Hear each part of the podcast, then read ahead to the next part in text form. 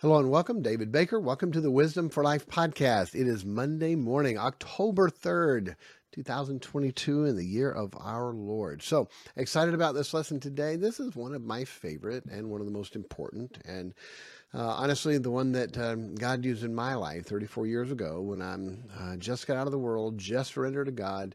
A couple weeks later, I'd quit all the bad things and uh, was trying to do right. And I woke up one morning and thought, this is weird. I'm happy. How can I be happy? And I went through all the list of bad, fun things I haven't been doing, and how can I be happy? I thought I would live a boring, miserable life serving God. And so I got out a concordance and looked up the word happy. Happy is a man that does this, happy is a man that does that. And I found out and realized I had been doing every one of those things that would make me happy.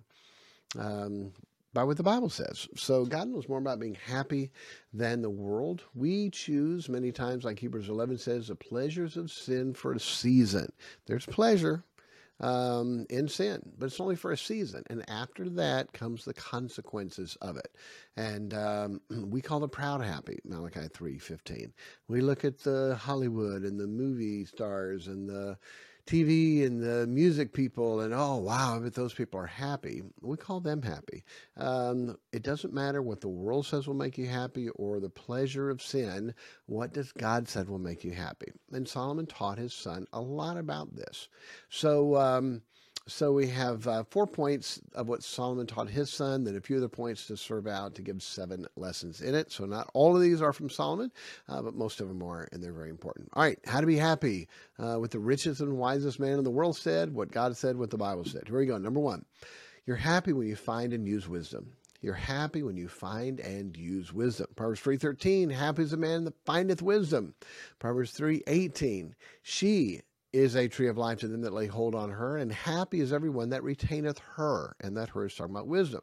Proverbs sixteen twenty: He that handleth a matter uh, wisely shall find good, and whoso trusteth in the Lord, happy is he. Okay?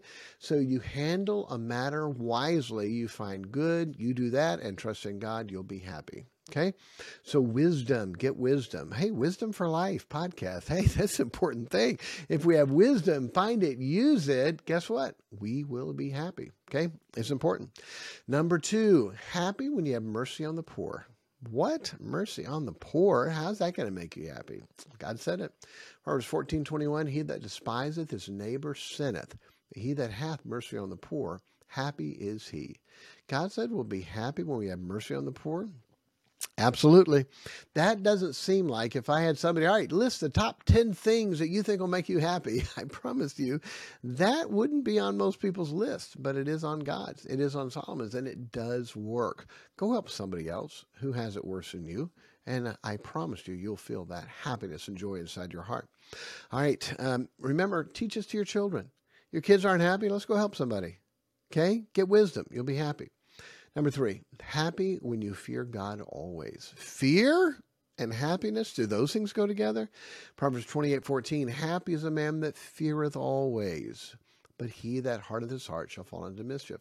Happy is a man that feareth always. When you fear God, you will be happy. Okay? Uh, big and important. People, no fear. I don't fear anybody. Um, okay, that won't bring you happiness. Fearing the Lord will. All right, uh, I love this. One of my favorite verses in the Bible, Proverbs 29 18. Two totally different but amazing messages. Where there is no vision, the people perish, but he that keepeth the law, happy is he. If you don't have a vision, what do you want to do with your life? Oh, no. What do you think God has for you? Don't know. What would you like to be when you grow up? I don't know. Guess what? You're going to perish. You're going to perish. You're going to live for the world, the flesh, and the devil and waste your life. Uh, you have a vision of what God wants to do with you and use you. Wow, powerful. Um, but he that keepeth the law, happy is he. When we obey the Bible, God said we'll be happy. What? I thought if I obeyed the Bible, I couldn't have any fun. Nope. Nope. It's exactly the opposite. When you obey God, then you will be happy. Pretty amazing. All right, day five. Uh, you'll be happy when you're corrected. It's amazing how much what we think disagrees with what God said. I promise you, nobody would have this on their list. Proverbs 5:17, Behold, happy is the man whom God correcteth. Therefore despise not the chastening of the Almighty. Be happy when God is correcting you. Okay? Be happy when God is correcting you. Um, so it is. Uh, would you have this on your list? Yay. Uh, we have 11 children, and there at times, there have been times when they needed discipline. There are times when they really didn't do anything big and gigantic, just fussing, whining, a little thing here, a little thing there. And my wife and I would say, you know what? They need a spanking. And it's amazing after the spanking how happy they are.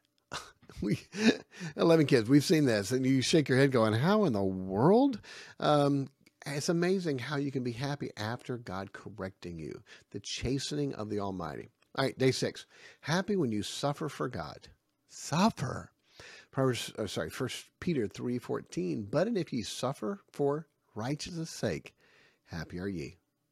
Huh. Boy, this isn't making sense. Nope. But it's Bible and it works. And number seven, happy when you serve.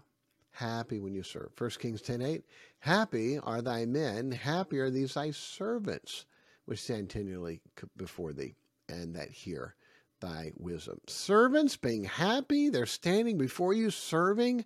Yeah, yeah, you're happy serving. Uh, 2 Chronicles 9 7, happy are thy men, and happy are these thy servants, which stand continually before thee, and hear thy wisdom. If you have the attitude of I'm a servant, by the way, servants are the greatest. Jesus is the best servant ever. Um, it's the servants are the ones who are going to sit on the right hand. Um, wow! And when you serve, God said you're happy. How may I, how may I serve you? Uh, Chick Fil A. Uh, oh, thank you. My pleasure. My pleasure. If you have that attitude that I am serving people, it's amazing, amazing how happy that you'll be. So, summary, are you ready? Is this what you think will make you happy? Wisdom, mercy on the poor, fearing God, keeping the law, being corrected, suffering, and serving. what? Shocking, but it works. Most children, most teenagers are not happy because they're searching for the next pleasure to make them happy instead of looking at what God says will make them truly, truly on the inside peaceful and happy. Hope you can uh, see why I enjoy this and one of my favorite lessons. Use that, teach it, help your kids, put that in front of them. Um, write it out, put it on calligraphy, print it off, put it on the wall, have them memorize it. Those verses. There's nothing that we want in this life more than being happy. There's nothing. Ask anybody. All right, what's the number one thing you want in life? If they think long enough, I just want to be happy. Oh, give me a million dollars. All right, million dollars, you're bankrupted on drugs and your son died it would oh okay no no. What do you really want? I want the money from the lottery so i can be happy. So why don't we just skip the money from the lottery and just say you know what i'd like to be? I would like to be happy. That's what people want. Okay then go to the bible and see what god says will make you happy.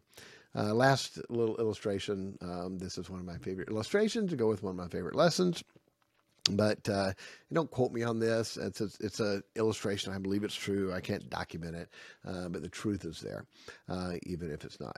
But uh, old story, early 1900s, Model T Ford just came out. This young guy saved his money, got him a Model T. He's cruising down the road, and something happens and it breaks down. And he gets out and looks at it. They're brand new. No one knows much about these things. They still have blacksmith shops on the side of the road, not uh, uh, not uh, car uh, mechanic shops.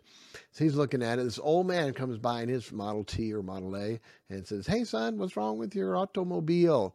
Um, and the young guy looks at old man and thinks, man, he doesn't know anything about these things. And he says, no, I got it. I'm okay. The old man asks him again. The young guy said, no, I'm fine. Thank you. And the old man asks him one more time, hey, what's wrong with it? Finally, the young guy says, Look, old man, you don't know anything about these things. Just leave me the blank alone. Okay. The old man drives off. You want to take a guess who that old man is? The story is told. Henry Ford told that story. Hmm. If anybody could have fixed it, who could have fixed it? Henry. If Henry couldn't fix it, he could give you another one. He built it. He created it. He modeled it. He set it up. He knows everything about that car. But young guy in his pride says, nah, I got it. I'm okay. The illustration is God comes to you and says, Hey, let me make you happy. I'm okay.